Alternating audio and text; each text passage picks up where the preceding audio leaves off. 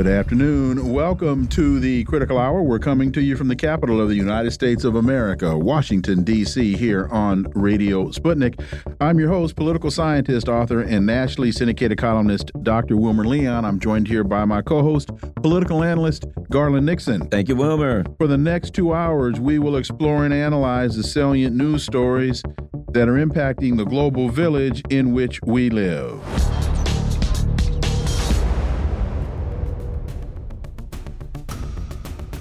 CNN reports oil price gains and shipping headaches after Red Sea attacks risk new wave of inflation.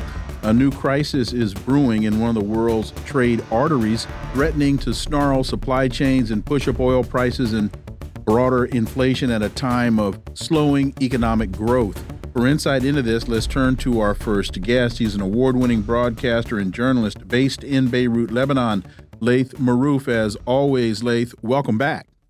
Thank you for having me. So, the recent escalation in attacks on commercial ships by uh, Yemen's Ansar Allah has led oil giant BP and four of the world's biggest container shipping companies to pause transit through the Bab al Mandab Strait in the Red Sea, which means they also have to avoid the crucial Suez Canal around 10 to 15 percent of global trade and 30 percent of container trade passes through the Bab el Mandab waterway connecting the Red Sea to the Mediterranean. Some ships are already being rerouted around the southern tip of Africa, and a prolonged effective closure of the Suez will increase freight costs and delivery times. Laith, with the intricacies and the dynamics of globalization, this shows you that a small force such as Ansar Allah putting pressure in the right place, the Bab al Mandab Strait, can have significant impact. And there's Eritrea and Djibouti right there on the other side of the strait as well. Laith Marouf. Yes, and uh, we saw today the United States announcing that they have gathered a alliance uh, to fight the Ansarullah government in Sana'a and the Yemenis and this blockade and to protect the shipping for the Israelis. And um, of course, on this list was the United States, the UK, Italy, uh, France, uh, and uh, Canada, and uh, surprisingly, Bahrain, which is a little country with 200,000 citizens and a million uh, workers, uh, foreign workers, and the biggest uh, American uh, Navy base outside the United States. And uh, the more surprising and the funnier was the Seychelles Islands, which has like nine dinghies in their navy, basically. And this is the alliance that the United States is going to face Yemen with. To try to uh, allow shipping to go through the Zionist colony and not not make it feel the pain uh, that the Palestinians are feeling with the blockade in Gaza.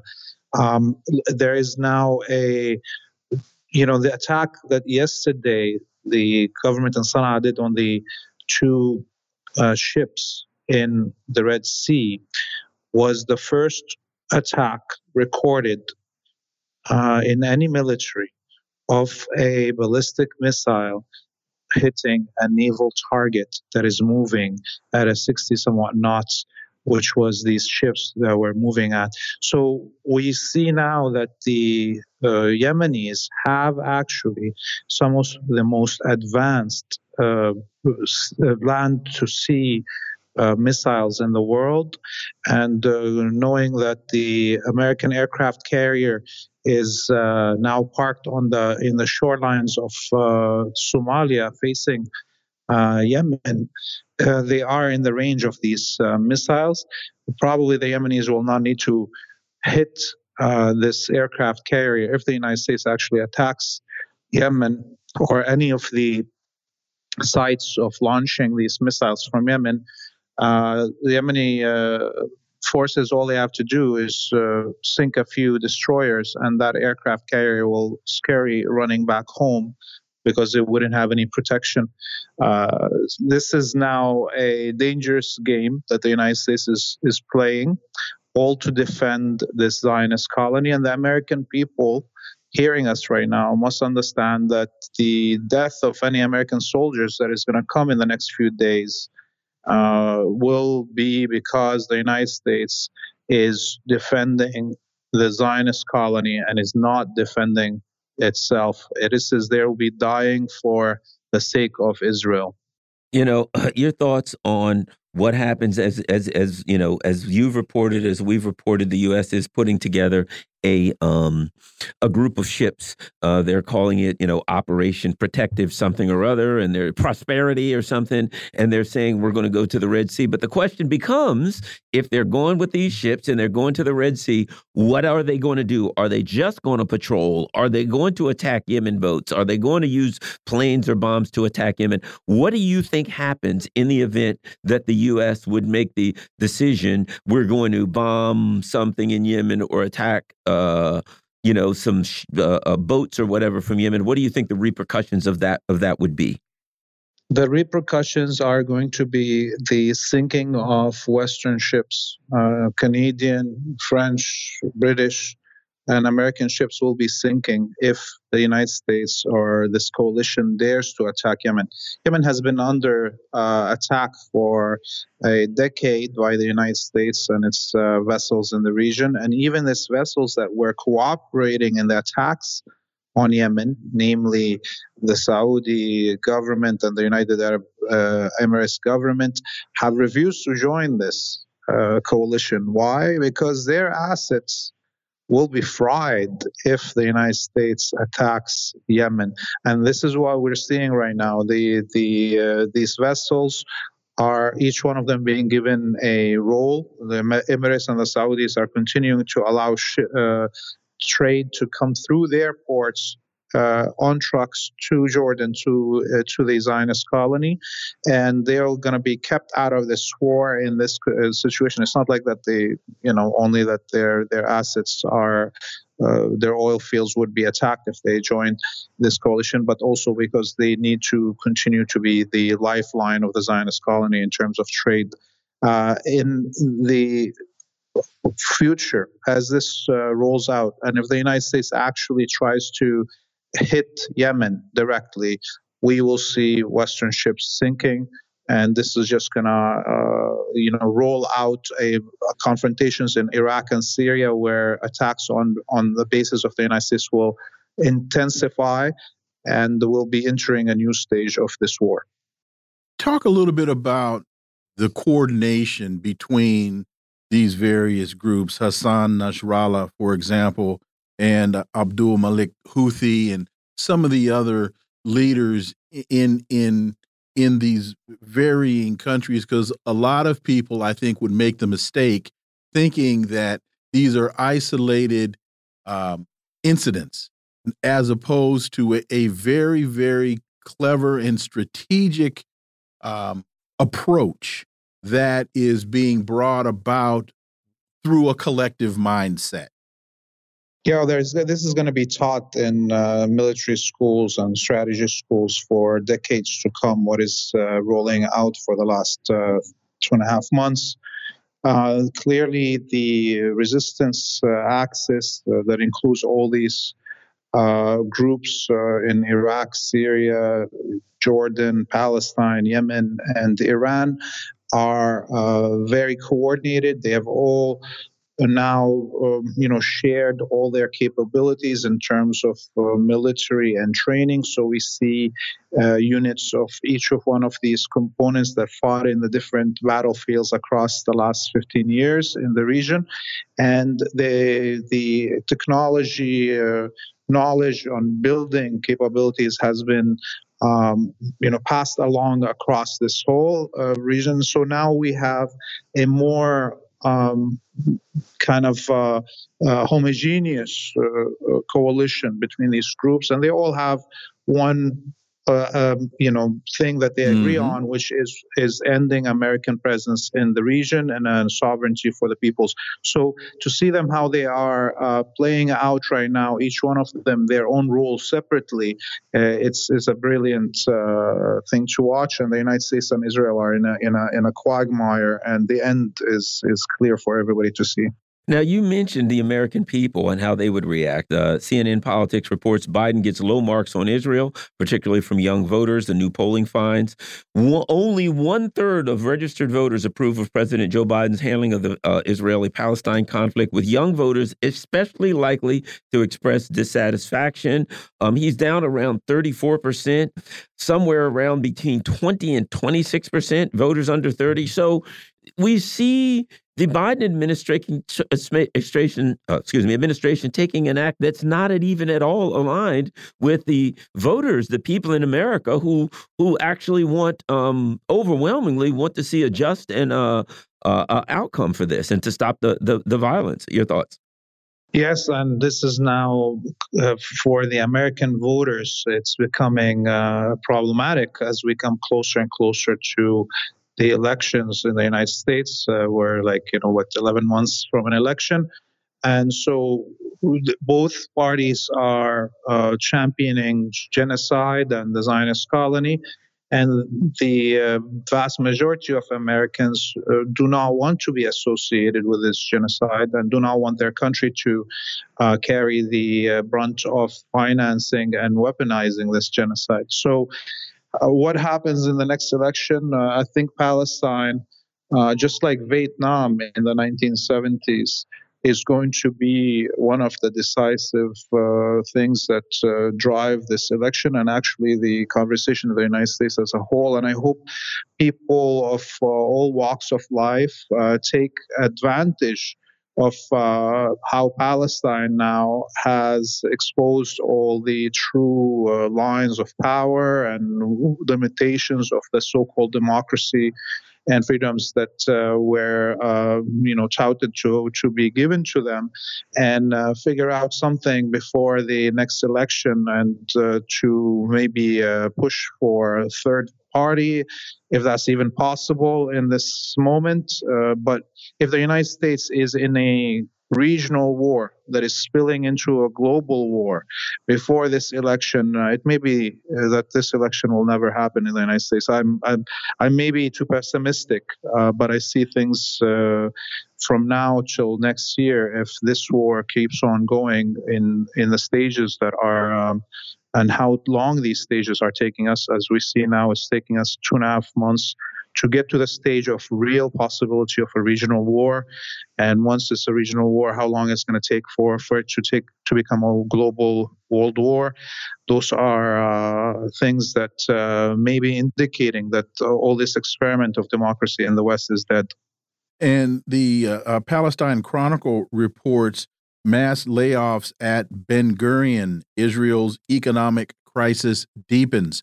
And one of the things that we have been speaking with you about for quite well since this thing started is not only the military impact, not only the the impact on uh, the the Jewish residents' self a sense of security, but there's a tremendous economic impact here from a number of different angles. Speak to that if you could quickly, uh, Laith. Yeah, look, there's uh, 7 million quote unquote Jewish colonists in Palestine, and already close to a million of them have left. And you know, mo- much of them are have already uh, second citizenships, and the, and we heard uh, countries like Portugal talk about uh, 10,000 Israeli families applying for citizenship. These are the ones that don't have citizenship that are already applying to European countries. And so we have an exit from the Zionist colony at a scale that we haven't seen ever. Uh, since the 1948, and uh, now we also, of course, all the uh, tr- uh, economy of the state is uh, at a, at, at a total standstill because you know they have mobilized so many people into the military and Ansarullah, uh, the government in Yemen, has been able to shut down all trade. Uh, almost uh, 88% of uh, trade has stopped into the ports, even the ones in the Mediterranean, because remember now all the all the ones that were supposed to go to the Red Sea port uh, in uh, uh, Aqaba, uh, um, you know, Gulf, uh, had to turn around. So now there's a delay in an empty space in uh, uh, Israeli ports uh, for the next two weeks. So the country is in a total standstill and is now living off a uh, the handouts coming from the West. Uh, and the American public has an ability to make a difference if they cut these handouts because this country cannot continue to exist at this moment without that. Laith Marouf, as always, thank you so much for your time. Greatly, greatly appreciate that analysis, and we look forward to having you back. Yeah, have a great evening. You too. Thank you. Folks, you're listening to the Critical Hour here on Radio Sputnik. I'm Wilmer Leon. I'm joined here by my co host, Garland Nixon. There's more on the other side. Stay tuned.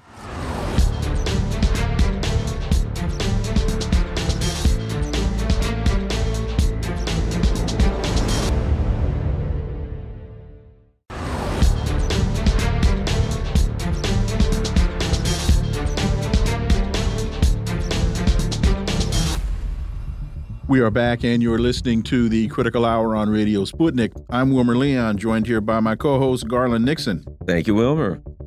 Folks, uh, we think this is a huge story. Reuters reports Japan's Nippon Steel to acquire U.S. Steel for $14.9 billion cash. They clinched the deal yesterday prevailing in an auction for the 122 year old iconic steelmaker over rivals and uh, Cleveland Cliffs, uh, ArcelorMittal, and Nucor. For insight into this, let's turn to our next guest. He's an associate professor of economics at the University of Missouri, Kansas City, also former president of the National Economics Association uh, Dr. Linwood Tauheed. As always, sir, welcome back. Thank you. I don't think that this is that this is rhetoric or hyperbole when when I say we think this is just a huge story. U.S. Steel was one of the pillars of the rise of American industrialization. At one time, it was the largest steel producer and the largest corporation in the world one of the great lines that I remember from The Godfather Part Two is when Hyman Roth says to uh, Michael Corleone while they're in pre-Castro Cuba, he's there with his mob associates and they're talking about the concessions that they're going to get from the Batista government. And Roth tells Michael Corleone, "We're bigger than U.S. Steel." Talking about the mob, we're bigger than U.S. Steel. And now Nippon, and from what I understand, Dr. Tauheed, they're saying they're going to honor all their uh, labor contracts. But did I hear this right? They're talking about closing it within like a year and a half or two years.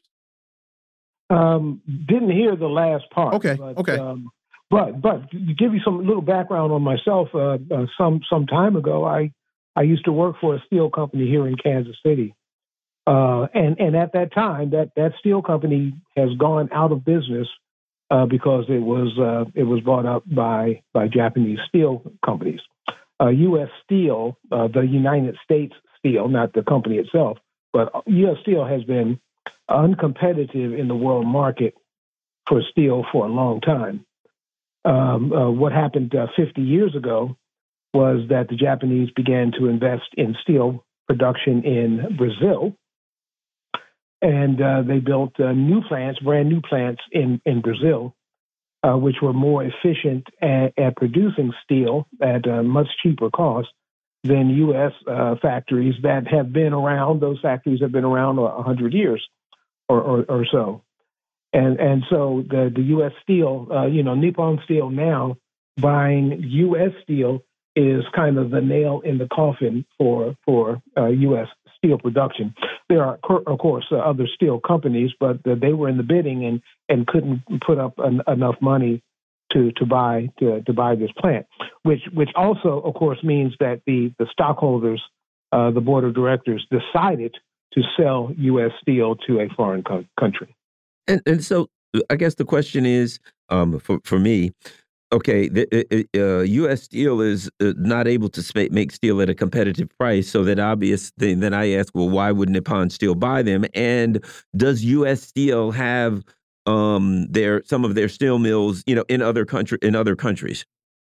Well, the, the second part I don't know, but but but uh, but but uh, Nippon Steel would buy U.S. Steel because U.S. Steel is a competitor, and uh, and if the plan is to close U.S. Steel, uh, then of course, then then other plants, uh, uh, steel producers around the world that are competitive. the J Japanese are still not only investing in Brazilian steel, but they're still significant stockholders then then those those companies will will reap the benefits because they will they will pick up the, the, the customers that U.S. Steel uh, won't be able to service.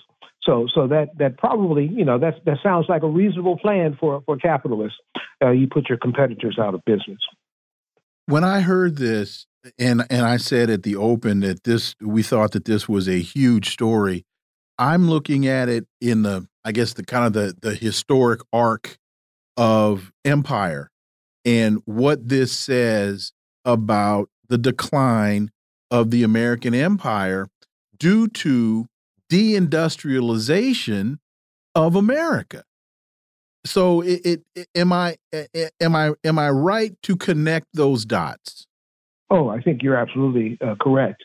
Uh, you know, uh, steel steel production before U.S. Steel used to be British Steel. Mm -hmm. British was the was the empire that the sun never set on and uh, steel production in this U.S. Of course, in, in this part of the world, in, in the U.S., uh, became dominant uh, because of, of, practices like um, uh, off, offloading uh, cheaply produced steel to undercut the price of British steel. The Japanese have done done that same thing in the last 50 years, and and, and ironically. U.S. Uh, steel or steel production, the steel business in general, is going to get a boost in uh, in production and in consumption uh, because of the Inflation Reduction Act that was that was uh, recently passed because that's an infrastructure bill, and there will be um, increased calls for steel production. Uh, but apparently, U.S. Steel won't be the, the supplier of that steel. And they're also expecting an increase in the demand for steel as U.S. automakers increase production now that the labor disputes have been settled. Yes, uh, U.S. Uh, steel production for, for automobiles and, and so forth. Now, of course, uh, the United Auto Workers are a very, very strong union. Uh, you know, the, the steel workers union is is also a you know a very strong union. But if if Nippon Steel decides to close U.S. steel plants, then those labor agreements won't be won't be honored. And so the Inflation Reduction Act, the, uh, the that part of uh, the Bidenomics, the bipartisan Inflation Reduction Act, uh, one that was voted on by Republicans, is uh, not only uh, uh, being a part of the, the process of putting U.S. Steel out of business, but will also probably sideline U.S. steel workers. White, uh, Washington Post reports government presumption of racial disadvantage under siege by white plaintiffs, minority business programs that dispense federal aid based on social disadvantage presumptions are built on a house of cards, according to Scholar. And uh, particularly what they're talking about is the Minority Business Development Agency, which is in the Department of, of Commerce. Your thoughts on that, doc, uh, Dr. Tauheed? Oh, yes, the uh, Minority Business Development Agency uh, uh, uh, Uh, uh, uh, as well as the Small Business Administration are both part of the Department of Commerce. ironically, they were formed in the late 1960s, early 1970s by Richard Nixon. Uh, he, he formed the MBDA by, uh, MBDA by executive order uh, initially, showing you what the, what what a president could do if they want to if they want to. But this this attack on the these minority development programs uh, are, are being claimed as unconstitutional. Now, in, in, in perhaps other times that might not be uh, considered a, a, serious threat, but the, it is the Supreme Court of the United States that will decide whether or not these programs are unconstitutional. And uh, they've already uh, uh, uh outlawed affirmative action in in um, school recruitment, and, and so we, we can expect that when those uh, lawsuits get to the Supreme Court, that they will rule that minority-based set-aside programs uh, in business are also unconstitutional. So this is a this is a serious uh, threat to those programs. And I always have to throw in one correction: they've uh, overruled um, affirmative action in schools except for the military. military the military can do whatever they need to do. and you know another irony you mentioned Richard Nixon, but but I think people, uh, Dr. Tauheed, really need to understand the the significance and the irony here. It was Arthur Fletcher, an African American Republican, who took the idea of an affirmative action program to Richard Nixon. And Richard Nixon saw it as a great way to bring more African Americans into business, thereby, he thought, creating a greater pool of black Repub of black businessmen to bring into the Republican Party. And when you look at the data from these affirmative action programs, what you find is the largest beneficiary of these programs are white women, not black people. That's always the case it's with the affirmative action women program. That, and I know this because when I was on in the private sector, I was this was a big part of what I did. It was it's a lot of white women started quote unquote minority companies at the behest of their husbands and took advantage of these programs and now they're being attacked as because that oh they they uh, they give African Americans and other people of color uh, an unwarranted advantage. Yeah, that that's still that process is still going on, and so and so what will be declared unconstitutional are, are, are race based programs. Gender based programs will will not be uh, declared unconstitutional. There are no lawsuits out in that, and so the the original targets, if you will, uh, for for uh, reparatory uh, programs, reparatory against discrimination. African Americans have have benefited the least from these programs, but but not only white women, but also um, uh, other other uh, persons of color, many of whom are, have have no history in this country of discrimination. Also have also been great beneficiaries. The ones that will be left standing, if this is uh, claimed um, uh, unconstitutional are, are white women. Washington Post also reports everyone expected a recession. The Fed and the White House found a way out. What do you know? They have acted in a way that saved us from a recession. Why do I feel that there's some holes in that theory, uh, Dr. Tauheed? Well, the idea that the, that the Fed has found a way out eh, eh, eh, and, and, and is is fairly fairly ridiculous. What what they've done is is stumbled into a stalemate. Uh, and of course, the uh, the Fed has not in, increased interest rates uh, uh, lately because, quite frankly, they don't know what to do. Uh, inflation has not coming down at, at the rate that, that they wanted to, to come down, particularly not in food and, and housing and rent, where where the inflation rate is is, is still very high, and, and people are suffering. In addition, uh, the the labor force has not collapsed in the way that they've they've wanted it to collapse, and there are two reasons for that. One is that they've uh, they're using when you use the unemployment rate, uh, the unemployment rate doesn't take into account the percentage of of, of underemployed, part-time workers, and so forth, who are still considered employed, and, much new work is uh, is low income, but also also um, uh, part-time to avoid benefits. And and and the second reason is that consumer spending is up because of increased credit yard uh, credit card usage. Uh, credit cards are debt is at a, at a record high. It's over a trillion dollars. Uh, it's up 15% uh, in 2023. Uh, so consumers are hanging on only because they're increasing their credit card debt.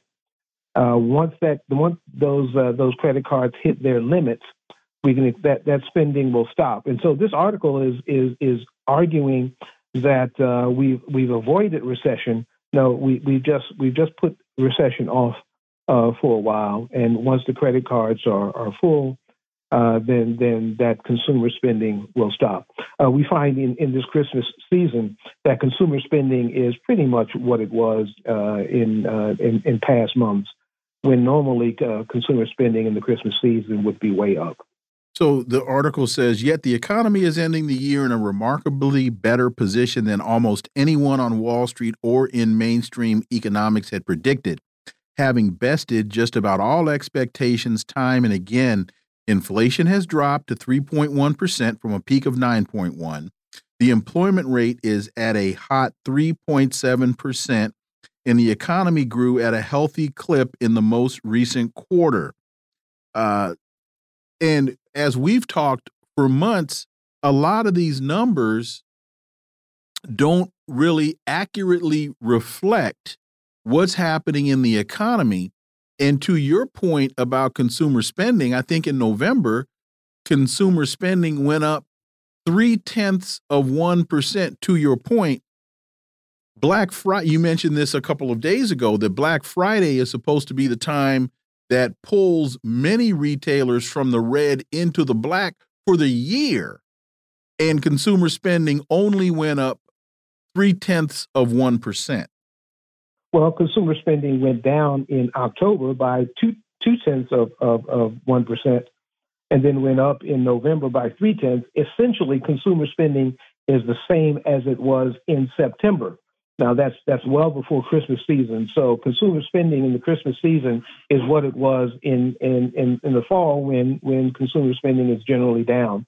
And so and so what this article is saying is that people expected a a, a horrendous situation by now. Uh, the situation is only bad. It's not it's not horrible. So hooray. Um, you know, but but for regular regular folks who are looking at inflation in in food and in housing, rental rental rates are are high. Uh, un, uh, homelessness is the highest it has been in uh, in history. The number of, of, persons homeless in U.S. history. Uh, uh, regular people are really suffering, while while um, uh, the Bidenomics and, and, the supporters of that program are, are declaring victory. Um, this is this is of course campaign tactics, but it's not going to last long one other question for you because in the in the last segment we were talking about um, what's happening in in Yemen. Yeah, yeah. And the fact that that the the the the the impact on the shipping lanes in that region could wind up having a rip, ripple effect across the world economy once again.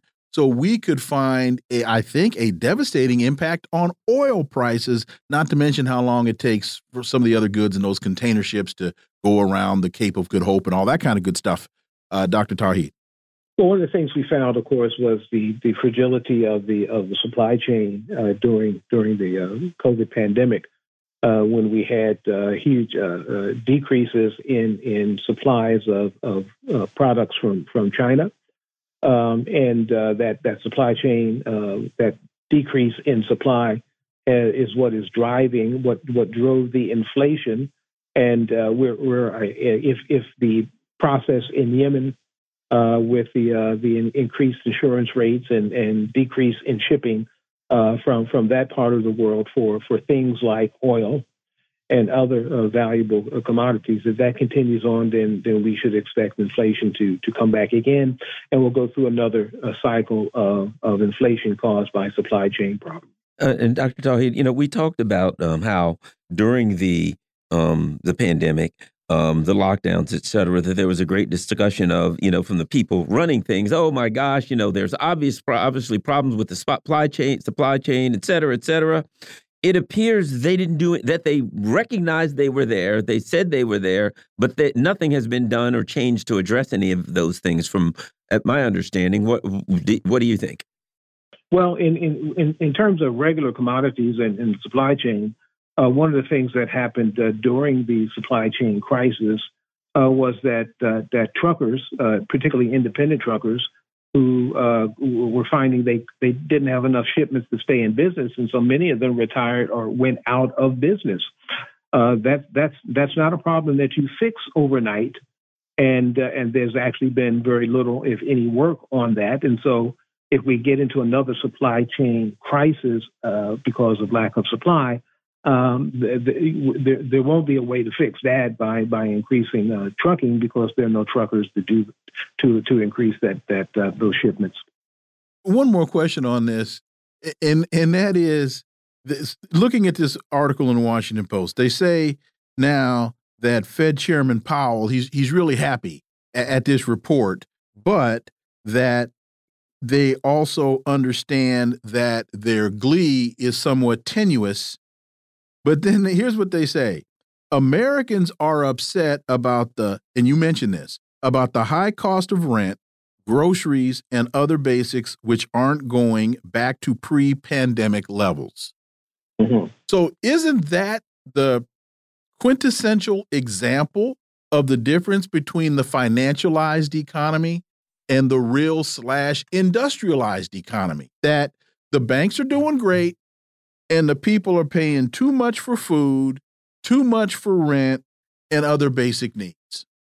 Well, of course, uh, food is being impacted by, by the climate crisis. Uh, there's a, a, a, decrease in production of, of, of food. Uh, the, the, the housing uh, situation in terms of increasing prices of housing is is a structural problem. It's not that there's there's not enough of a supply of housing mm-hmm. the cost of housing down. Is that uh, after the uh, 2008 pandemic, there were there were companies, uh, real estate management companies like BlackRock, who bought up uh, houses that were in foreclosure, not for the purpose of reselling those houses, but uh, they, they took those houses off of the sales market and, and put them on the rental market. And so there's a, a, a increase in the price of, of houses for sale because of a shortage of, of houses for sale. But there's also an increase in the price of rentals because those real estate companies are jacking up the prices and taking their windfall profits.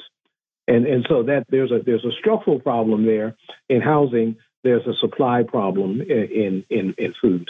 Dr. Linwood Tauheed, as always, thank you so much for your time. Greatly, greatly appreciate that analysis, and we look forward to having you back. Thank you. Folks, you're listening to the Critical Hour on Radio Sputnik. I'm Wilmer Leon. I'm joined here by my co host, Garland Nixon. There's more on the other side. Stay tuned.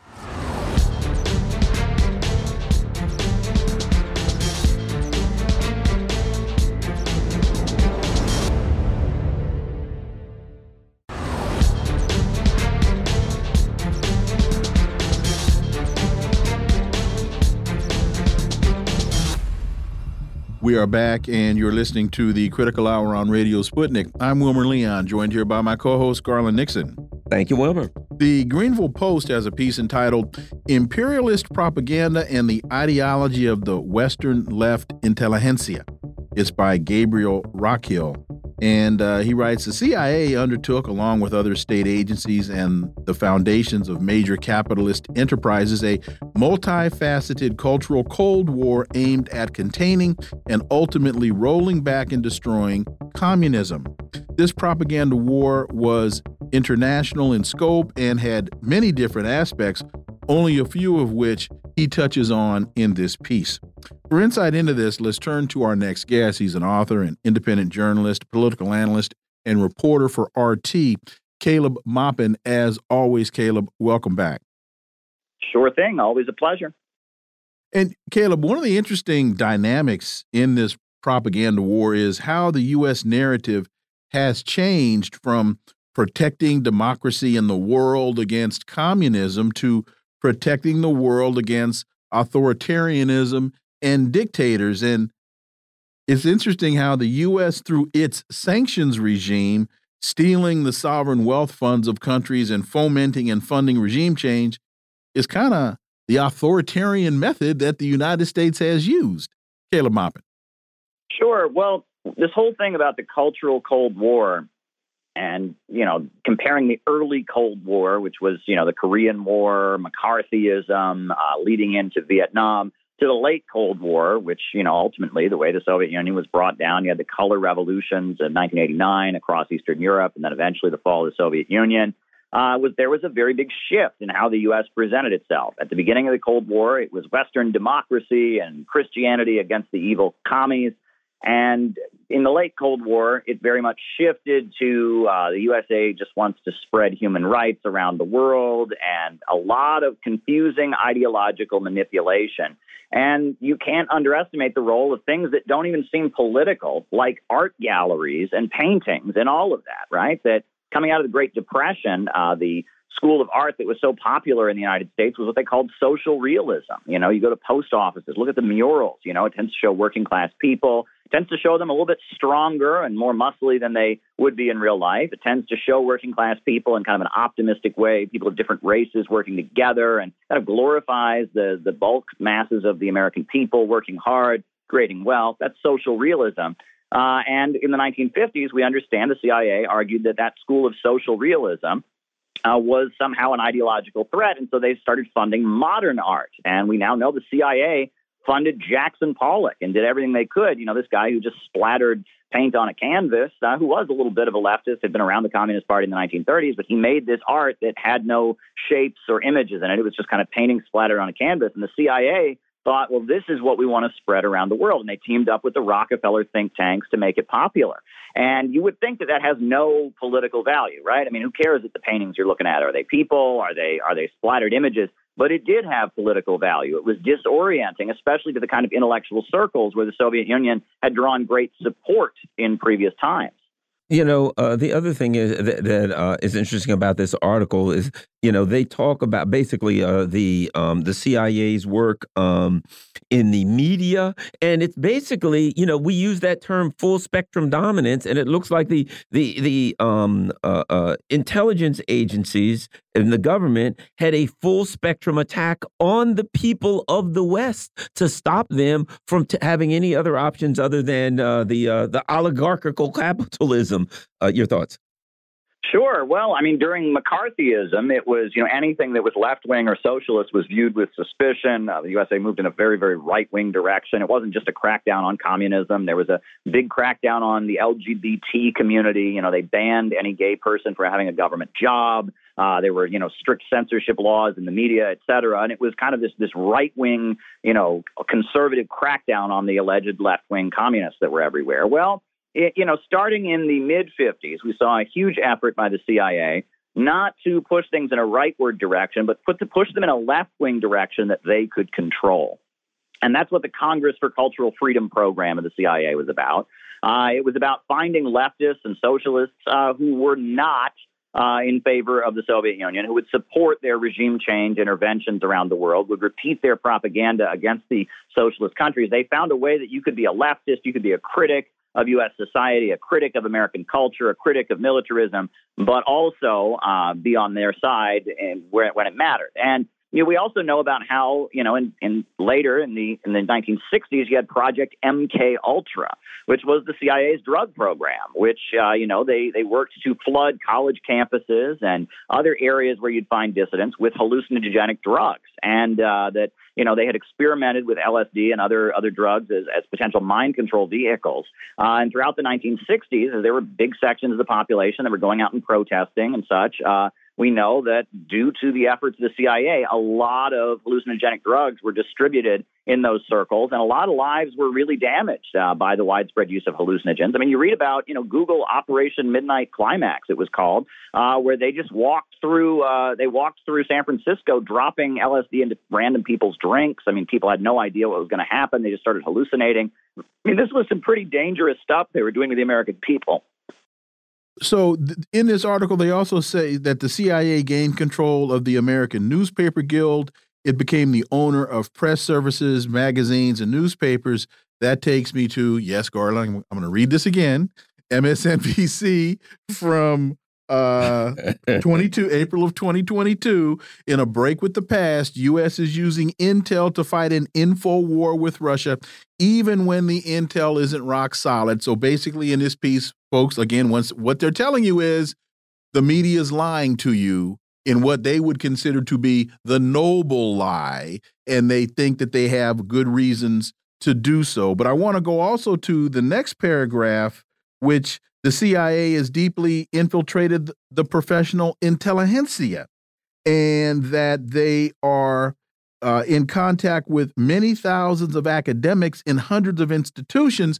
And that, uh, Caleb, made me wonder about what we just saw play itself out in Congress with the three presidents of, of, uh, of uh, MIT, Harvard, I think Penn, UPenn, and this whole issue regarding anti Semitism and Zionism? Well, that's very interesting because in Zbigniew Brzezinski's book, and you know that's that's the NSA. Uh, you know, he was the director of national security for the Carter administration, one of the big strategists of the late Cold War.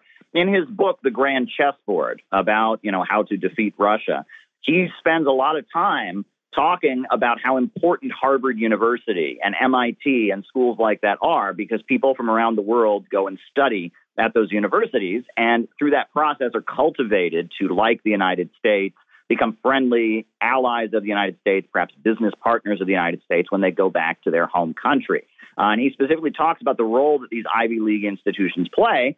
But part of that, you know, a lot of those countries that people are coming from are Muslim countries or are countries where people are not as supportive of Israel as they are over here. And, uh, you know, part of the role that those schools play is they show people that the United States is a much more open and tolerant society uh, than detractors of the United States would like you to believe. And they also uh, they work very, very hard to uh, you know to present an image of the United States that isn't particularly accurate. Um, you know, Harvard is a lot more open-minded. There's a lot more different ideas floating around on the Harvard campus than there are in in Middle America. Uh, but it's very much about creating an image of the United States as an open, free society. So having people at Harvard University who speak against Israel and support the Palestinians actually kind of helps the United States in the long term uh, but Israel certainly doesn't approve, uh, especially at a time like this where they're just going after Gaza and they want all the support they can get. And this shows kind of a, a conflict of interest. On the one hand, those Ivy League schools are about courting people from around the world and getting them to see that America has room for different ideas, et cetera.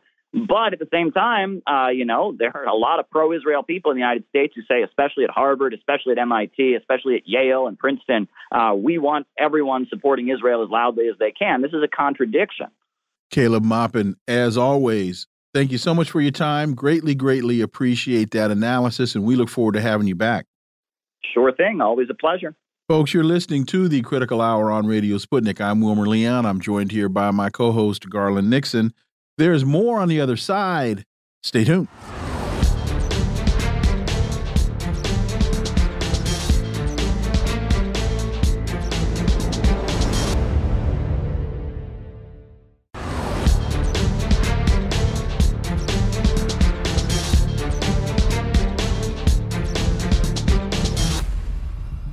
We are back, and you're listening to the Critical Hour on Radio Sputnik. I'm Wilmer Leon, joined here by my co host, Garland Nixon. Thank you, Wilmer. Consortium News reports Assange appeal hearing set for February.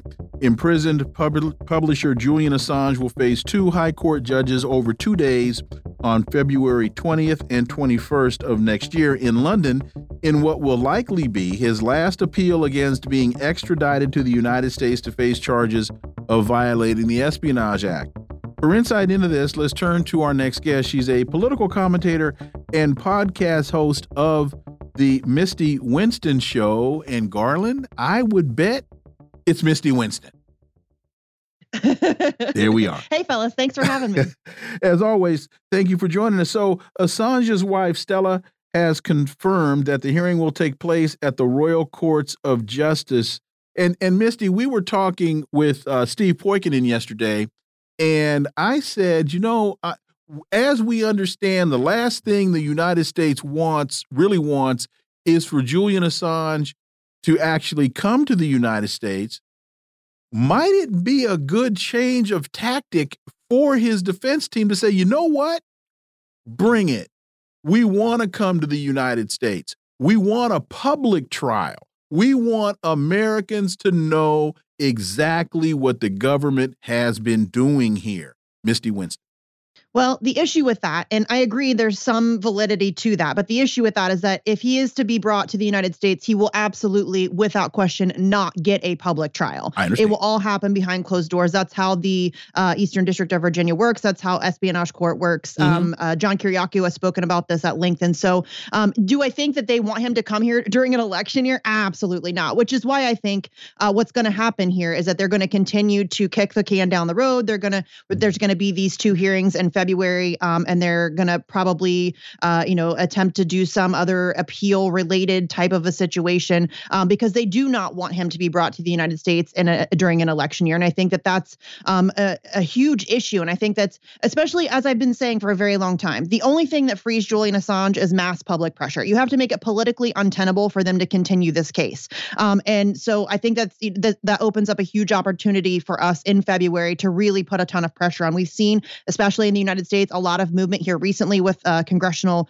uh, bipartisan legislation being entered in. There's letters that are being sent out that are signed by a, a bipartisan group of people. Um, so there's a lot of opportunity, I think, to uh, really increase the pressure. But you're absolutely right. They don't want him to come here during an election year. Absolutely not.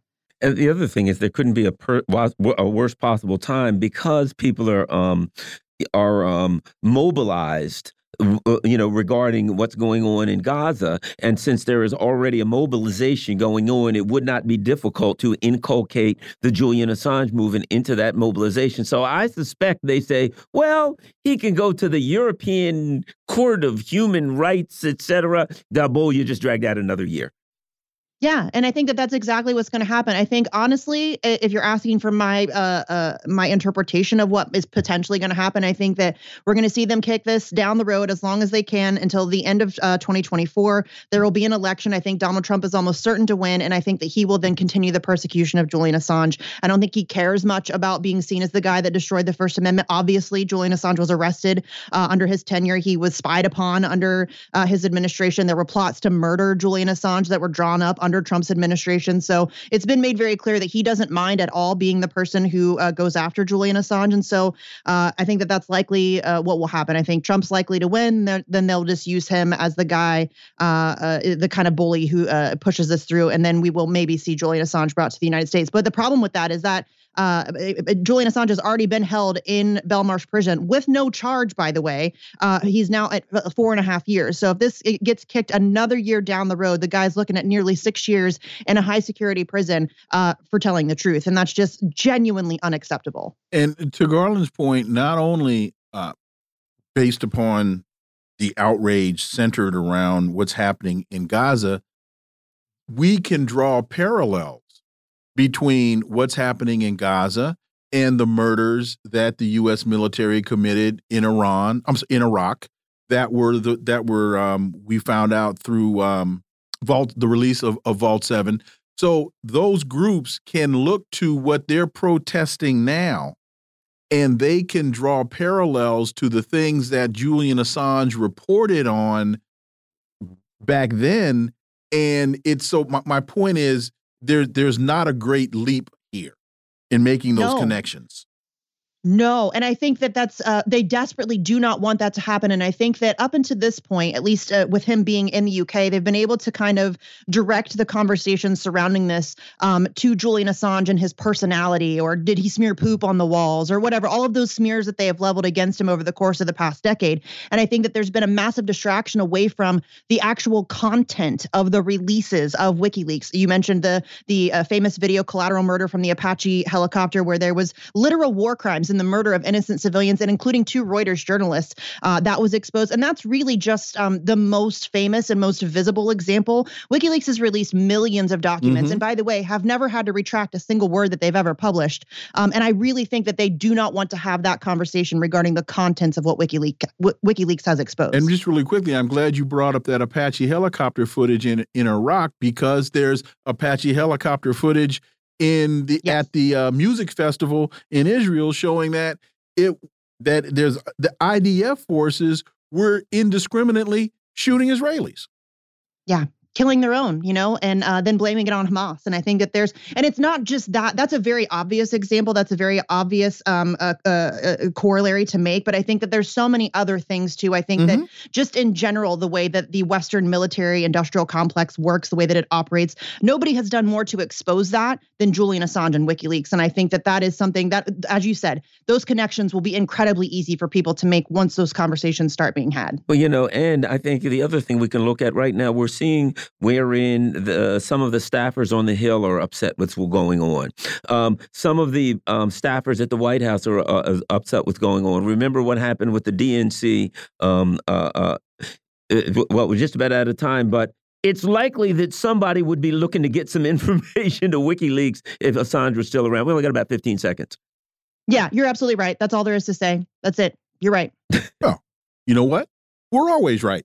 Misty Winston, we, as always, we greatly, greatly appreciate. We're always right when we have you on. We greatly, greatly appreciate it, uh, and thank you so much as always. Thanks, guys. I appreciate you. And Garland, this is a mess they do not want. No, no, and, they, they, can't take this. And there are too many corollaries, too many uh, relationships that can be drawn here. They're about to open up a can of worms in the middle of primary season. They they don't want none of that smoke. uh, well, as always, folks, you're listening to the Critical Hour here on Radio Sputnik. I'm Wilmer Leon. I'm joined here by my co-host Garland Nixon. There's another hour on the other side. Stay tuned.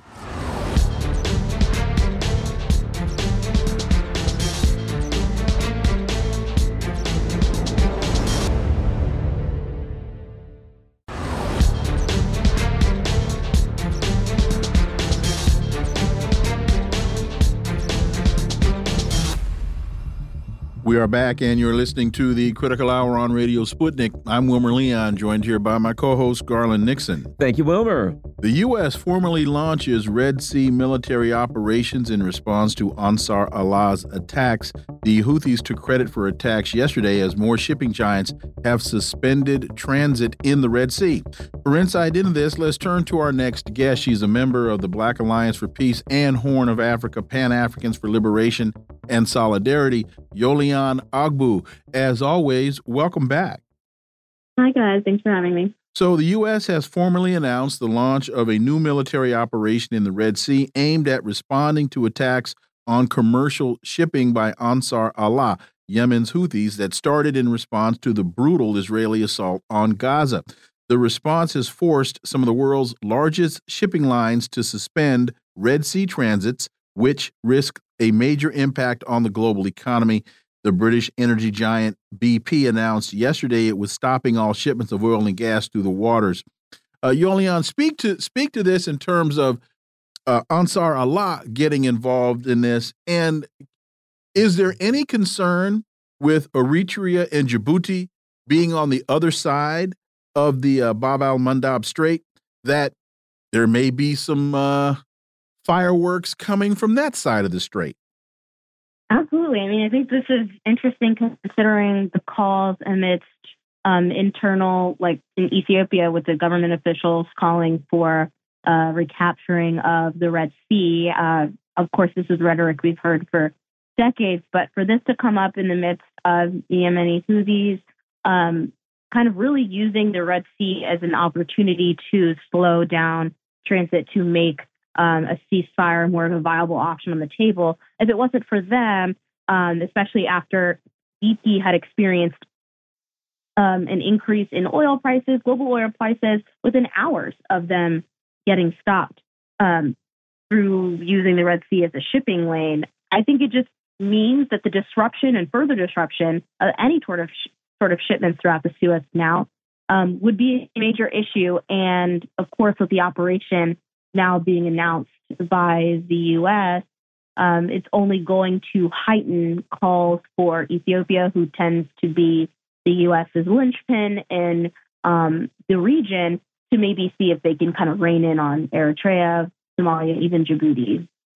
Uh, you know, something I find interesting here, and that is I was talking to someone the other day about um, Yemen, and the, the, the, the true strength of that Yemen has is their geographical location.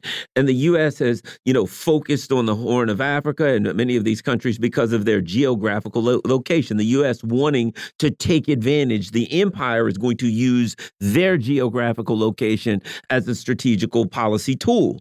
But what we see with Yemen is the local people, the people the country using their geographical location to their ends. Because the fact of the matter is, if you look at what the, the, the, Houthi, what the leadership is doing, it is in fact aligned, whether whoever agrees with it or not, it is in fact aligned with what the people in Yemen want. They're supporting it. What are your thoughts about the Yemen, the, the, the, the people of Yemen using their their country and their strategic location to their advantage and po the possibility of other African and Horn of Africa countries following suit? I think it's smart and strategic, and it's setting an example for using what you got, right, to um, kind of defend yourself and even be a part of liberation efforts um, on the other side of the Red Sea. And I think it speaks a lot to the Yemeni people's strength and their ability to resist despite their own situation internally. Um, I think it's important to note that as this is going on, the U.S. is pressuring Saudi Arabia to pause the Yemen deal that had been, um, you know, figured out months ago. I mean, earlier this year. And so for this to, for peace in Yemen to be basically a threat, um, while the Yemeni people are helping really and bringing to light to the world what's going on in Gaza, just speaks to the people's will and their strength and ability to think not just for themselves, right, but for people who are currently undergoing a genocide. So it speaks a lot to these people's strength and um, their values. But it's unfortunate because we're seeing that now the U.S. is really on Saudi and the UAE, um, that coalition, to pressure Yemen out of this peace deal, and the people are not going for it. So, and elaborate a little more on again the other side of the uh, Bab el Mandeb Strait in terms of uh, Ethiopia, Eritrea, and uh, and Djibouti. You said you talk. You mentioned the, the capturing the Red Sea rhetoric, and that we've heard this for quite a while. And so, as we look at the shift in the dynamics in the region, as um, Hamas went into the settler colony, and that seemed to embolden a number of entities within the region. Of course, knowing that they had the support of um, of Hezbollah in the north, they've got the support of Syria, they've got the support of Yemen, demonstrating that so, do you see that type of empowerment and embolden? I don't know the word emboldenment. I'll make up a word. Uh, manifesting itself on the other side of the strait, and if the United States isn't careful, there this could be a conflagration, the likes of which they were not anticipating. Yeah, they, they, it seems like they tend to put the get themselves into that issue um, more than once is on occasion. And I think when it comes to the Horn of Africa, there folks don't want another regional conflict, right? Like we just kind of had the peace deal with um, TPLF and the Ethiopian government, and felt for you know first time in just a few years since November 2020 that there would maybe be you know some peace, whatever that means in this context. But you know with the Abiy Ahmed uh, recently being quoted in a lecture about really talking excessively and emphasizing Ethiopia's lack of direct access to the sea as hindrance to their international trade. I mean, Abiy's been known to mention and reference um, a lot of studies about what can sea access mean for Ethiopia and emboldening his people to think about uh, what it means to take take back, quote unquote, or reclaim uh, their access vis-a-vis obviously colonization and, and violence um, take back that sea to potentially help develop the country even more. This is an old talking point that has been used for decades, and Eritreans are not, you know, new to this argument. I, but I will say that it is particularly convenient that you know folks are reporting on their ambitions, Ethiopia's sea access ambitions, and how this could potentially mean, you know, an increase in tensions that has been, you know, there since 1998 um, with the first outbreak thanks to TPLF. But unfortunately, I think the um, on the flip side of that, the cost of engaging in some sort of military conflict over the Red Sea at this moment are far too great. But whether or not Abiy Ahmed seems to be the case, I'm not sure. And we'll continue to follow this um, because the U.S. is keen on having that access on the other side of the you know Mandeb Strait. Even if they do secure or they were able to de escalate the situation with Yemen, which is unlikely at this point. Um, the other way that they could be able to get access is by agitating the already present tensions between Ethiopia and Eritrea. As, as we all know, Eritrea is politically isolated um, from the West and from really everywhere, unfortunately, but they have grown relationships on the eastern side with Russia and China. Um, so this has larger implications, even from the aspect of Chinese and Russian support. You know, so that's something to consider.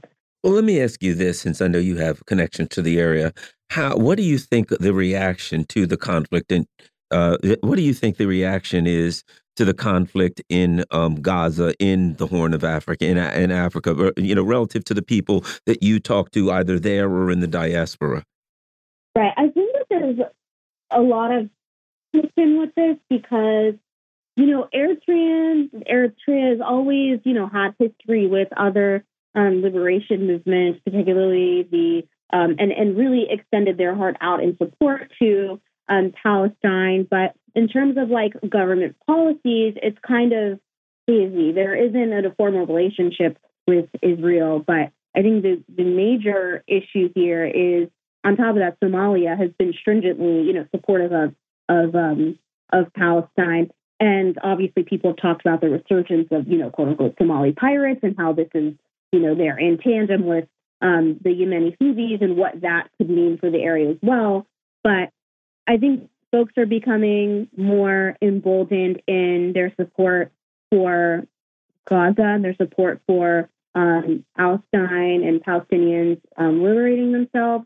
But what that could mean, you know, strategically and how they actually in their actions is is we're not we're not 100 percent sure yet. Ethiopia, unsurprisingly, um, isn't hasn't been super uh, supportive, I would say, at least outright, um, of what's been going on between um, the Palestinians and, and, and uh, Palestinians and the Israeli folks. I think one, right, is the Ethiopian Jews and the issue with religion, um, but also because Abiy Ahmed is not in a position to, uh, quite frankly, piss off the United States once again. I mean, he just got back in their good graces and is developing a pretty good relationship and has been and made it clear that he is trying to maintain a good relationship on the west to, with folks on the west and folks in the east. So he's pretty much shopping around for any type of financial support and development support. Um, so no outright support from Ethiopia, but once again, that's not that's not really surprising considering its position in the region.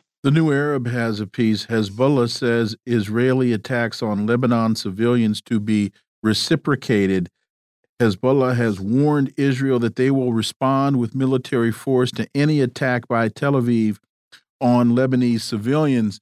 And what really uh, got my interest with this story was the story yesterday that the United States is, allegedly is uh, behind the scenes trying to negotiate with Hezbollah to withdraw from the border in north of Lebanon. And so uh, I'm just trying to figure out is there any any logic here because it's if the United States is trying to negotiate with Hezbollah to withdraw from the border, which of course you know they won't do, and then Israel is just indiscriminately firing into Lebanon, it's almost like fire first, aim later. This doesn't seem to be as though there's any coordinated discussion between the United States and Israel. But we know, of course, that that could be wrong because the United States isn't telling anybody the truth at all. So hopefully that's not too convoluted.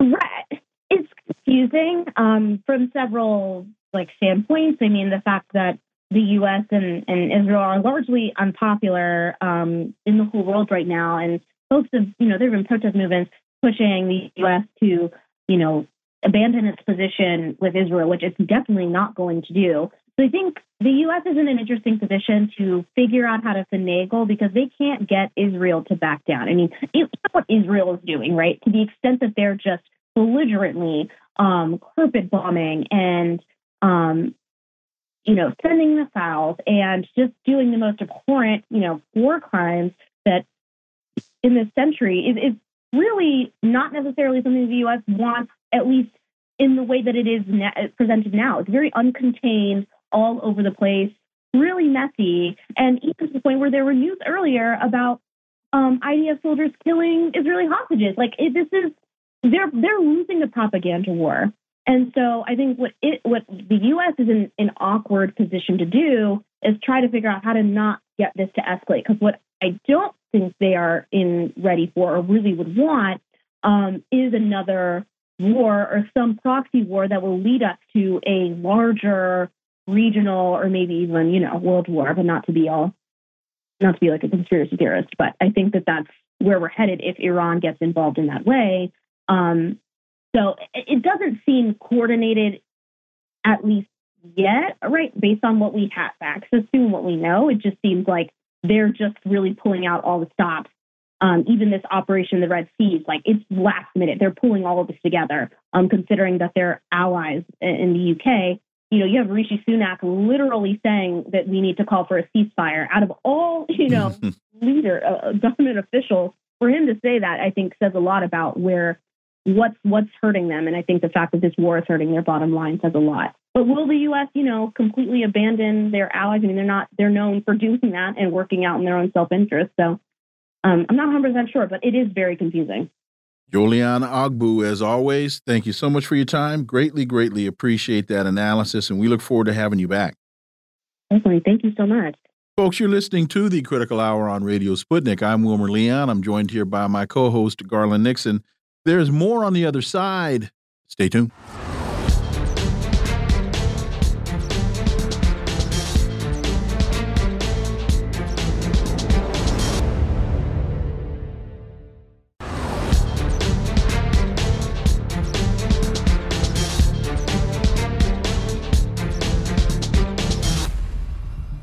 We are back, and you're listening to the Critical Hour on Radio Sputnik. I'm Wilmer Leon, joined here by my co host, Garland Nixon. Thank you, Wilmer. There's a piece at foreignpolicy.com entitled Ukraine Has a Civil Rights Problem.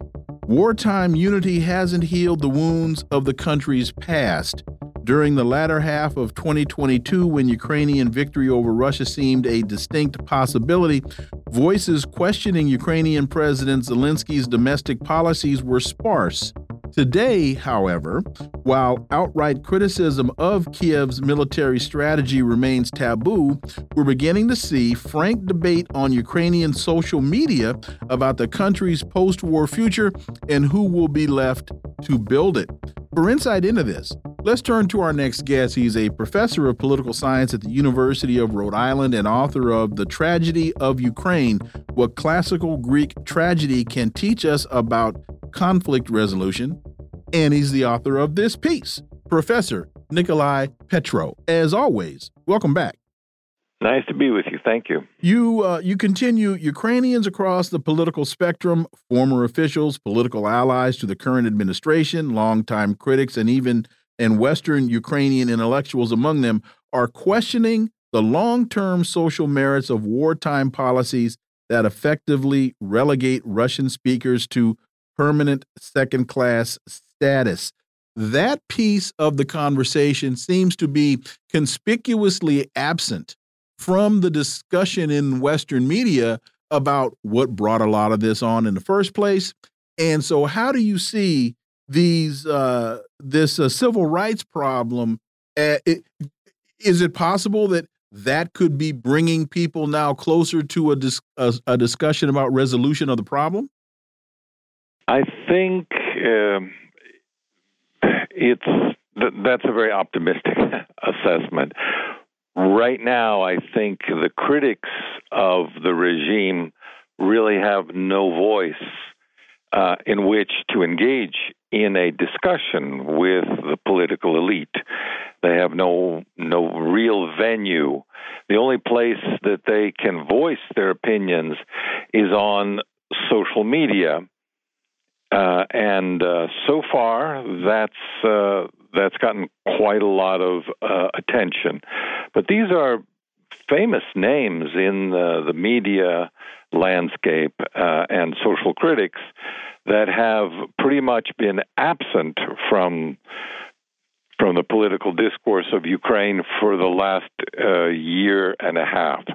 So it's a good sign overall that um, these uh, voices and their views are at least uh, coming back on the margins, although I think it's too early to hope that they will receive serious attention in the halls of power. Uh, Dr. Petro, what are your thoughts on how this will affect, of course, the resolution of the conflict from the perspective of the Russians. You know, we're now hearing that the Russians are getting very hard lines. Certainly, they feel that the wind is at their back, that they'll be in a position to, you know, impose an outcome. But with these types of things going and their initial concerns about the rights of the Russian speaking people, how does this affect the Russians? Um, you know, uh, uh, uh let's say um, willingness to negotiate with the regime should they get an out, which seems likely an outright victory? Uh, the again, you could take two views as to its longer term significance. On the one hand, you could say, well, here's a, a group of people that um, you know the regime is trying to keep under control or to suppress the regime in in Kiev.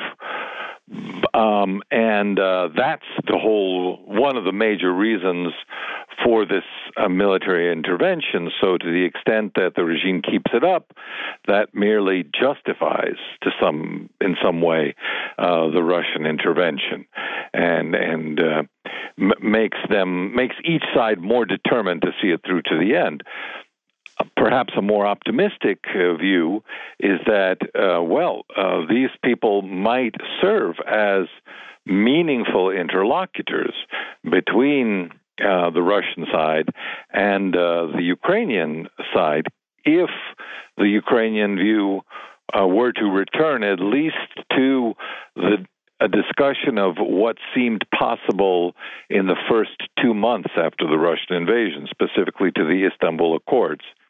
I was reading an interesting analysis of those accords by a professor at the University of Cambridge, and uh, he may have information uh, that I don't have access to.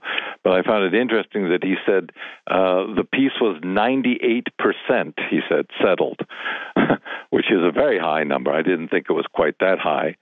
Um, but, you know, if we could get uh, back to the negotiating table at all, uh, it would be with uh, some of the people, or at least some of the ideas of the people that I've mentioned in this piece.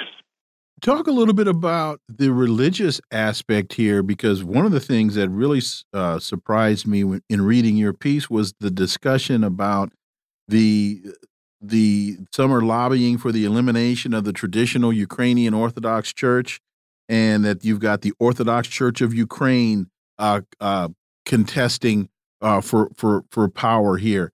So I, I did not realize that that there was such a deep religious aspect in all of this.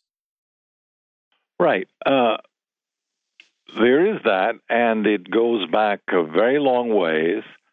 Um, I would say that what has added fuel to the fire was the creation of a new nationalist Ukrainian Orthodox Church known as the OCU, Orthodox Church of Ukraine, under the sponsorship of the Patriarch of Constantinople with the direct support of then Ukrainian President Poroshenko. And the idea behind this new organization was to unite all Eastern Orthodox Christians in Ukraine and create an alternative canonical church to the one that has always existed in Ukraine, the Ukrainian Orthodox Church, which was, for its part, part of the global Orthodox community and in close ties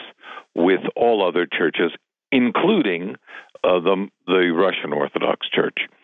So basically, to replace one with the other was the strategy of the government uh, of Petro Poroshenko.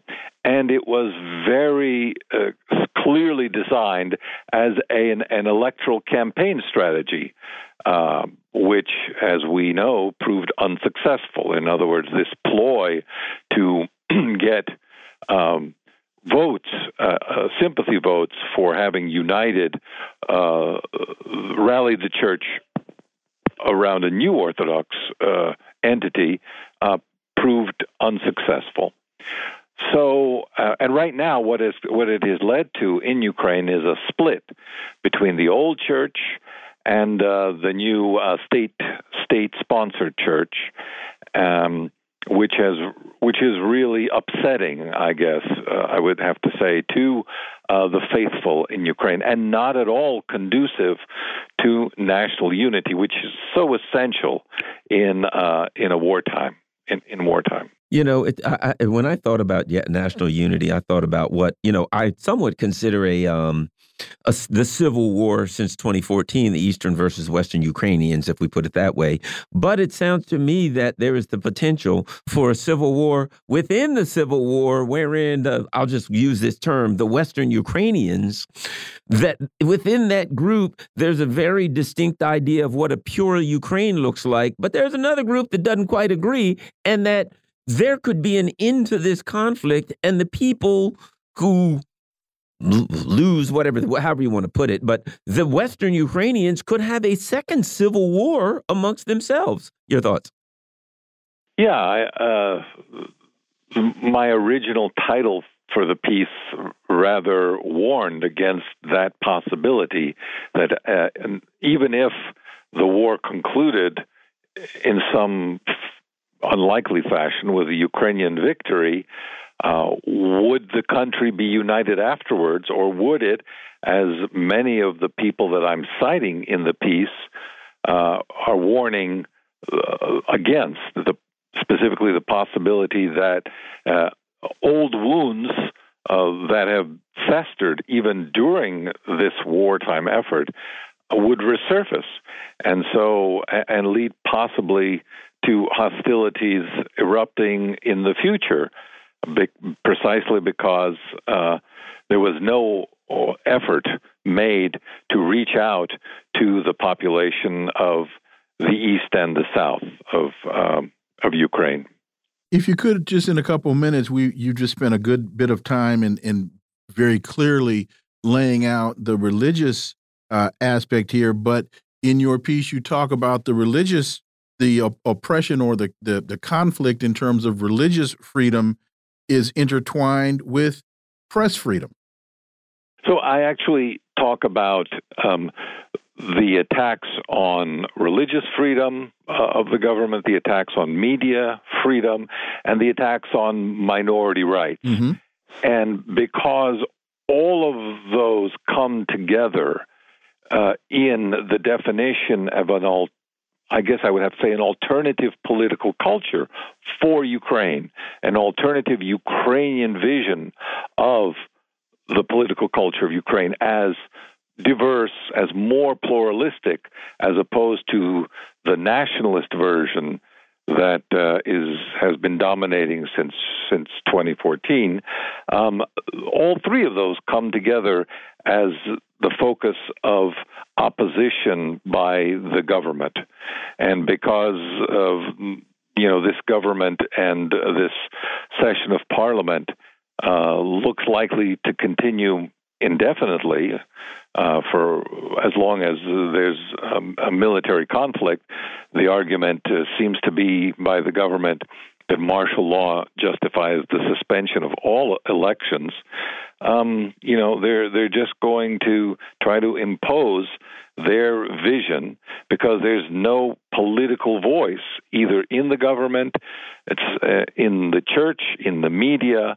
There are no minority rights that would give voice to uh, and the alternative uh, pluralistic uh, view, which uh, I think would hold a better chance for Ukrainian unity and Ukrainian prosperity. Joe Biden tells us that the United States is defending democracy in Ukraine.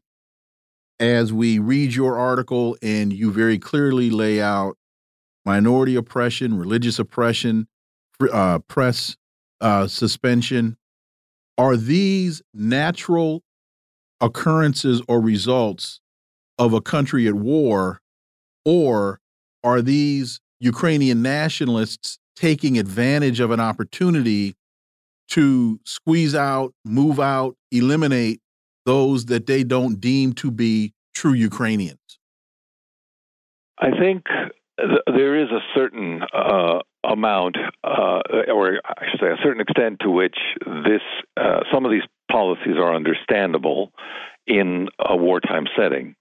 But of course, uh, even during war, you have to lay the foundations, if you're thinking about the future, of the kind of society that you're struggling to create, that you're promising to your people after the war. And it's not only uh, notably the absence of any military strategy that we're seeing uh, in Ukraine being articulated.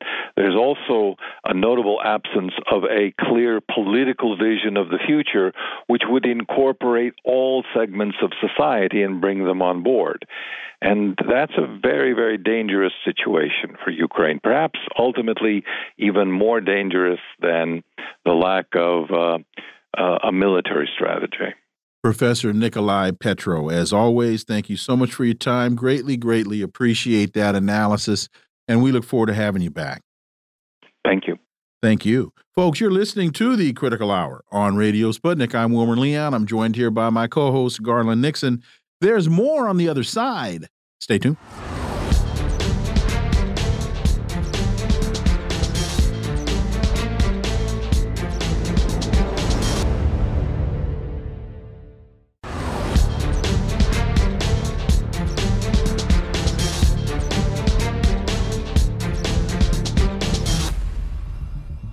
We are back, and you're listening to the Critical Hour on Radio Sputnik. I'm Wilmer Leon, joined here by my co host, Garland Nixon. Thank you, Wilmer. As we discussed in the previous hour, Reuters has reported that Japan's Nippon Steel is to acquire U.S. Steel for one point uh, for fourteen point nine billion dollars cash, and they clinched the deal on Monday. And it's uh, after a prevailing by, by prevailing in an auction for the 122 year old iconic steelmaker. And for insight into this, let's turn to our next guest. He's a writer and professor of East Asian and Global History at New Mexico State University, Dr. Ken Hammond. As always, Ken, welcome back. Hey, thanks for having me here. So, we've been discussing that U.S. Steel was one of the pillars of the rise of American uh, industrial power. It was at one time it was the largest steel producer and largest corporation in the world. And now, after the United States devastating Japan in World War II and helping to rebuild Japan post World War II, Japan now comes in and buys what was at one time the largest steel manufacturer uh, in the world. What does, if anything, what does this say to you about the irony of history, the irony of time, and is this a signal to you of the fading of the U.S. empire? Well, it's certainly it's certainly a signal or a, a, very clear sign of you know the the sort of neoliberal globalization of capital. That uh, uh, you know it's not just this uh, this proposed uh, buyout of uh, of U.S. Steel by by Nippon Steel, which is uh, you know layered with with lots of irony, as you suggest. But it's also you know the other the it's an interesting uh, complex of of forces at play here because the other bidders. One was Cleveland Cliffs, which is an American uh, company and U.S. Steel, the uh, the the actually the United Steel Workers Union, has been very clear that they would prefer to have the company be bought by Cleveland Cliffs because Cleveland Cliffs itself is a heavily unionized uh, operation, and there the the workers are, I think, justifiably concerned that uh, that you know being bought out by Nippon Steel is going to have uh, adverse impact on their their futures. Even though Nippon makes you know um, statements saying, "Oh, nothing is going to change," uh, we know that, that that kind of statement by by you know a corporation doing this kind of buyout doesn't hold much doesn't hold much water. The other major bidder for this, ArcelorMittal, is an interesting hybrid. It's a Dutch Indian uh, uh, corporation that uh, interestingly owns a steel mill right down the road from where I live here in, in uh, southern New Mexico.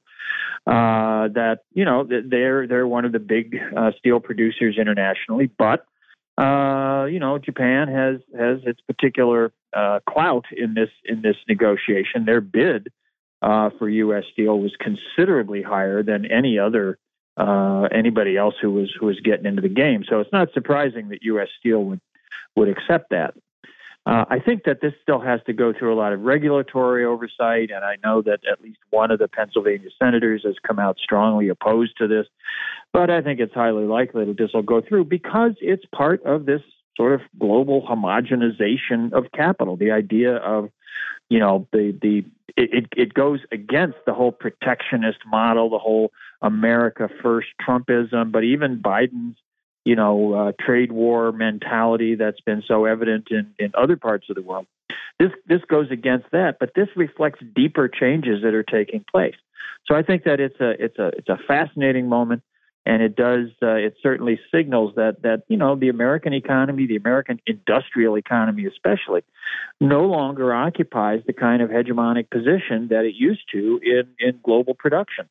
That that you know there's there's this been this spreading of these technologies around the world, and that has facilitated the rise of places like China and India, South Africa, Brazil. Uh, and we're going to only see more of this in the future. So, uh, American capital is uh, is fading, and uh, it, it's not that somebody else is going to replace them as the single center, uh, but it, it's this is yet another sign of this sort of you know multi-centric, multipolar order that's uh, that's emerging. And as uh, North Korea starts to, to to to grow and seems to come back into the global order. The Asia Times writes more missile tests, rapidly advancing relations with Russia and China. I guess that's supposed to be bad. And zero progress on diplomacy with the United States and South Korea. This was the direction North Korea took in 2023. I mean, there's so many holes in that. The United States literally flies planes up to the North Korean border uh, uh, uh, uh pretending to launch nuclear attacks on them, does all kinds of you know attacks all around the edge, pretending that they're going to attack them, and they're the ones that are not exercising diplomacy. Your thoughts, Dr. Hammond? Well, this this article, this is such a puff piece. It's written by a graduate student at a you know at a University of North Korean Studies in Seoul, in South Korea. I don't think this is coming out of an objective, uh, sort of uh, impartial academic perspective.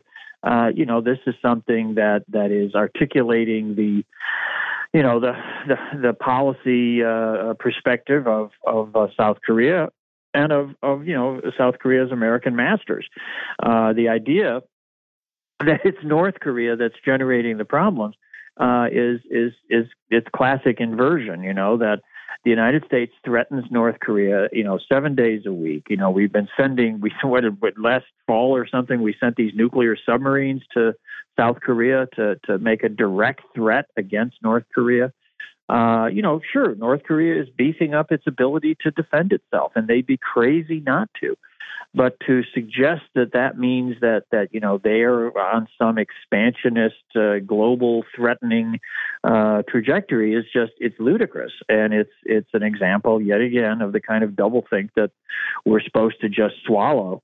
Uh, but anybody who's who's really paying attention, even ordinary people paying attention to this situation, have got to see that North Korea's responses to American hostility and American menacing, uh, you know, only makes sense. Who who who gets threatened and doesn't feel a desire to protect themselves? That's that's what's going on here, and this this kind of attempt to to characterize it uh, as uh, as as aggressive is is just uh, it's it's not in not in touch with reality to say the least. And, and to that point, there's a piece uh, in the uh, Washington Times. The U.S. is increasing military exercises with its allies in the Asia Pacific that are meant to uh, as a message to China. according to the commander of the U.S. Navy's Japan-based Seventh Fleet, so he, the U.S. is in Ukraine, the U.S. is in Gaza, and the U.S. is now engaged in threatening military exercises with the in the Asia Pacific, and to that point, uh, then Korea decides, you know, I think I'm gonna send a missile uh, into the into the Sea of Japan, and you know, maybe get some people's attention. Ken. Yeah, well, this yeah, I mean that's exactly that's exactly the situation. You know, North Korea is is one particular focus of American imperialist anxiety. Uh, but obviously, the, the big narrative in, in that part of the world uh, is is China, and uh, China's China's reemergence, China's you know rise economically, its ability to to take care of its own people and to even help out other people in other parts of the world. And uh, you know, we've talked about this before that that American elites, uh, political and military, cannot see the world in any in any way other than in, in terms of their own power, their own privileges, their own domination. And they want to ensure that that doesn't change in any way.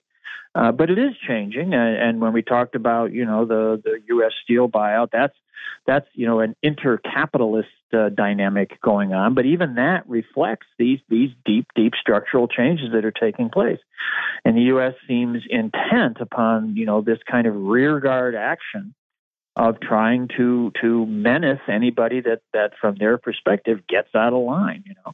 And so uh, yeah these these these prov- you know uh, provocative war games uh, that they carry out in uh, you know in Korea in in uh, in, the, in the Western Pacific you know seas it's all aimed at at perpetuating American power but that's uh, it's kind of a fool's errand because that age of, of unipolar hegemony is something that, uh, thank goodness, we're all seeing in the rearview mirror, except for the American elites themselves who want to try to hang on, apparently at just about any cost.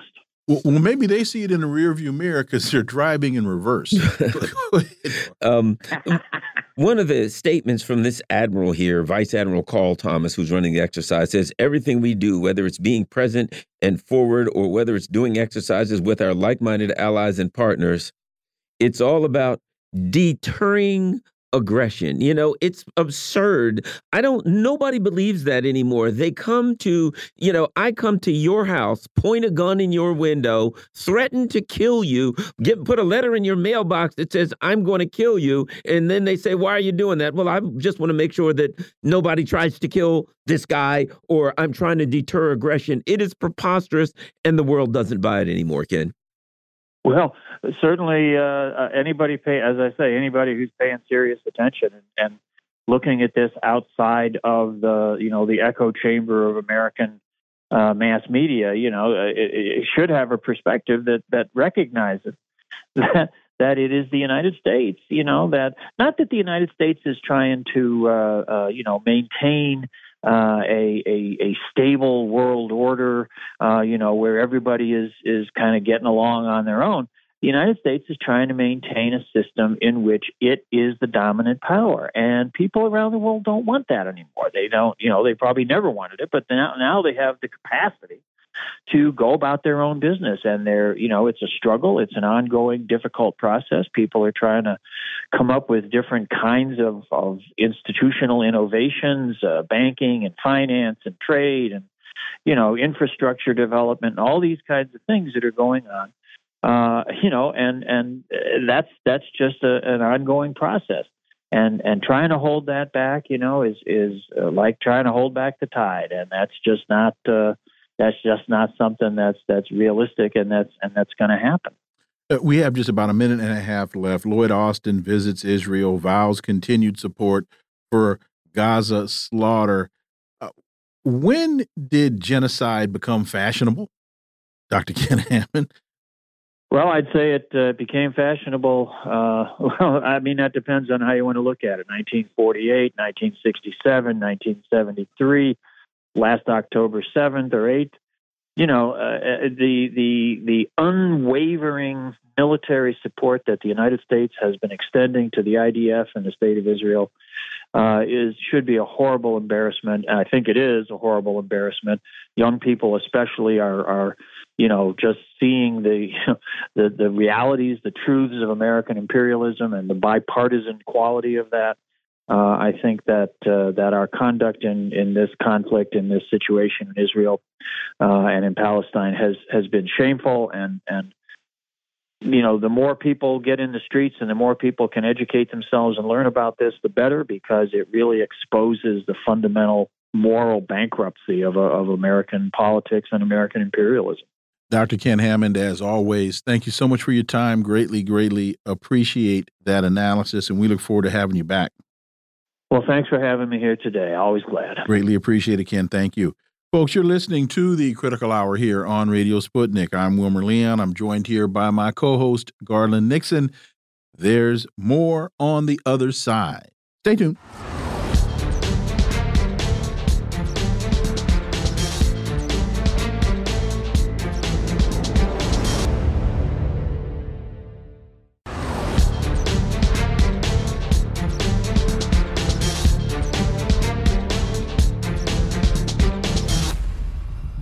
We're back and you're listening to the Critical Hour on Radio Sputnik. I'm Wilmer Leon, joined here by my co host, Garland Nixon. Thank you, Wilmer. The Hill reports Biden's approval rating at record low in new poll. His approval rating hit a record low yesterday with just 34% saying they approved of his performance in the White House. 61% of respondents said they disapproved of his job performance. This is according to a Monmouth University poll released yesterday. He's seen his approval ratings lingering below 40% for months, and with the 2024 elections less than 11 months away, I would say he's trending in the wrong direction. How significant is this? Well, for insight, let's turn to our next guest. He's an independent journalist whose work can be found at Substack and thepolemicist.net. Dr. Jim Kavanagh. As always, Jim, welcome back. Thank you for having me. So, in the poll released yesterday, only three in 10 Americans polled said that Biden is giving enough attention to the issues most important to them. On specific issues, 68% said they disapprove of his performance on inflation, 69% disapprove of his performance on immigration, 54% disapprove of his performance on climate change. Additionally, 53% disapprove of his performance on jobs and unemployment, and 52% dis, uh, disapprove of his performance on transportation, energy infrastructure. And I I don't even have the numbers yet on um, what's happening in Gaza, but we know folks aren't happy with that. But but uh, somehow he's crowing about the economy. Bidenomics seems to be working. Dr. Jim Kavanagh. Yep, yep uh, people just don't understand that their lives are better than they think they are. and uh, it's a terrible position to take. Look, these are, in terms of traditional American politics, the, the numbers on inflation and, and unemployment and jobs are kind of the most crucial, and they reflect what people think about how satisfying and secure, economically secure, and economically satisfying their lives are. And people just don't you know, aren't getting the message that uh, the, the, precarity of their economic and social lives is not something they should be worried about. Because look at these grand GDP numbers and look at inflation is trending down and blah blah blah. So it, it, it becomes a, a, kind of useless uh, exercise to try and persuade people that their lives are better than they think they are, or that they feel they are, that they, and that they know they are. And then you add on the incredible uh, international crises that are coming in, in, which the United States is, is both overwhelmingly uh, aggressive and also unable to do anything. you know, in the in the weirdest ways, losing in Ukraine after having spent hundreds of millions of dollars and sent hundreds of millions of dollars worth of weapons, and stuck in a position where they're acting as Israel's guard dogs uh, against Yemen, about to go to start World War III over with an attack on Yemen, one of the poorest countries in the world, uh, because they can't stop the Yemenis from, you know, uh, hitting uh, Israel merchant ship, Israeli merchant ship. So it's a very difficult situation. Biden is obviously not up to the task. You know, he thinks uh, you know, this, this Hamas thing started 65 years ago, and his father was in a kibbutz and blah blah blah, and it's really very silly, and everybody knows it. So this is really, uh, I just don't understand what they are going to do, but I just think it's fictional to think that Biden is going to be the Democratic nominee, and it's it's a terrible thing that he is nominally running the country now, when obviously he's not, and he can't. He has no capability of it. So we're in this kind of bizarre. It's it's like being in a video game where you're in a fictional video game, The Sims or something, where you've created this character that's obviously hollow avatar that's supposed to be running things. And I, I just don't, and everybody, nobody's satisfied with it. The Democrats aren't satisfied with it. And yet the party is so anti democratic, they're going to try and push him on. At least keep him limping along until the, until the convention, if not the election. You know, Jim, you alluded to something, um, and and uh, you know, uh, unfortunately, we don't have the clip here. We probably should, but um, wherein uh, recently Joe Biden was talking about what happened in Gaza, and he said he meant 65 days ago, but he said 65 years ago. You know that the, the referred to the attack or the Hamas attack, and then he went on to say that his father, his father, returned to his kibbutz because you know there's a lot of Irish Catholics and kibbutzes, apparently, um, and uh, looking for things to help his family. I guess that would be Joe. And I don't know. I thought he was president. I don't know why he'd be hanging out his kibbutz with that. But the bottom line is, when you look at this, my argument is this it's a mockery of democracy and it's a mockery of the American people to argue that this guy is president is in charge. It's like the ruling elite are laughing at us and saying, look, we can stick a clown. We can put a, a picture of a guy out here and pretend that he's president and there's nothing you all can do about it. Jim, I, I keep telling Garland that he's wrong on this. I'm 64. I was, and I'm Catholic and I grew up on a kibbutz in California. he doesn't seem to understand that. Go ahead, Jim. Those were called communes. oh, oh, that's why all that smoke was in the air. Okay. uh, and there were a lot of Catholics and Jews. uh, yeah, that's a very good point, though, Garland. That his, you know, what, what we're seeing here is that not only the Democratic Party, but the United States is not a democratic nation. You know, whatever the people think or want, whatever they're dissatisfied with or satisfied with, they're not making the choices of who's in power. And even who's nominally in power is obviously not the person, not, not the real ruling power in the country. You know, what we see with Biden is that, you know, the Democratic Party, for one thing, is not ruled by its own constituency, which doesn't want Biden. And the country as a whole is not ruled by the people and what they want. This is the famous 2016 or 17 uh, Princeton report, Princeton Northwestern University, that, you know, the, the policies that are enacted are not the policies that the people want, it's the policies that the donor class wants, which is the American capitalist ruling class. And that's one of the things that we see with this. As you say, they could put a stick figure up there, they could have an AI generated avatar, and it would serve the same purpose. I mean, although that's not quite true. Mm-hmm. And the president has the ability to make certain decisions that are very important in certain crucial situations. And it's why we shouldn't just uh, dismiss the, the, the craziness of having the president of the United States be somebody that everybody knows doesn't know what he's doing. But but you know what, Jim? You you just said that you know the president has the power to make decisions. The most powerful weapon that the president has is the bully pulpit. So, if anything, we should be looking at him standing before, or her, whoever the president is, standing before the American people, articulating positions that galvanize the nation, that explain right and wrong, that articulate uh, moral positions so that we could be considered to be, you know, the bastion of democracy, the bastion of morality, and the arbiter of right and wrong. All these things that that people would love for the United States to be. We can't even get a president to do that. Yeah, well, that's what Barack Obama was. That's what the ruling class needs and wants. The smart elements of the ruling class know they need someone who's smart, who presents as smart, who's got a good rhetorical presentation, who comes across as concerned, as righteous, not in a not in a, a supercilious way, but as you know, wants to be a good person and wants the United States to be a good country. Blah blah blah blah blah.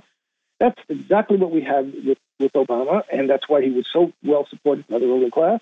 And Obama, uh, uh, Biden certainly doesn't do that. He has no capability, as you say. That's the, one of the great uh, powers that he has is to be the one who galvanizes or gives some kind of charisma or some kind of aura of, of, of goodness and, and, and progress, progressiveness to the American project and American imperialism. And Biden can't do that. And there's very few people out there now who can. That's why they didn't like Trump because he couldn't do it. He was too uh, crude and too inconsistent, and nobody liked. You know, too many people didn't like him, and came across as a as a as the crude, you know, bully character that he is. But uh, uh, Biden, I think we just uh, I think we just lost him right no. there. And uh, to to the point, Garland, lie to me if you have to, but it, but at least tell me you love me while you're doing it. I mean, yeah.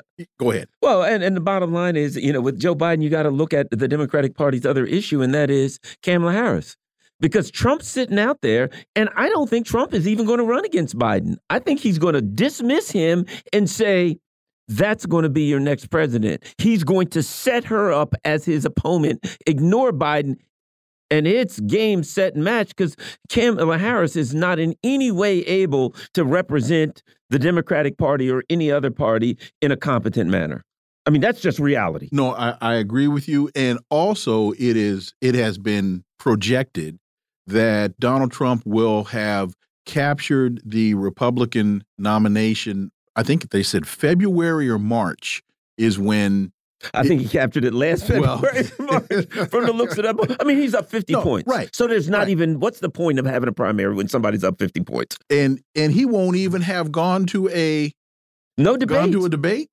And uh the Democrats are in serious, serious, serious trouble because once again, whether it's Trump or whether it's Biden, what does America stand for? What is America about? When the world looks at us, what do they see? They see Gaza. And right they, now, they that's what Gaza, they see. and they see a confused, bumbling old man that kicks dogs. Hey, folks, you've been listening to the and his dad's on a kibbutz. You've been listening to the Critical Hour here on Radio Sputnik. Thank you for allowing our voices into your space. And on behalf of myself and my co host, Garland Nixon, we hope you were informed and enlightened. And we look forward to talking with you all right here tomorrow on Radio Sputnik. Be safe. Peace and blessings.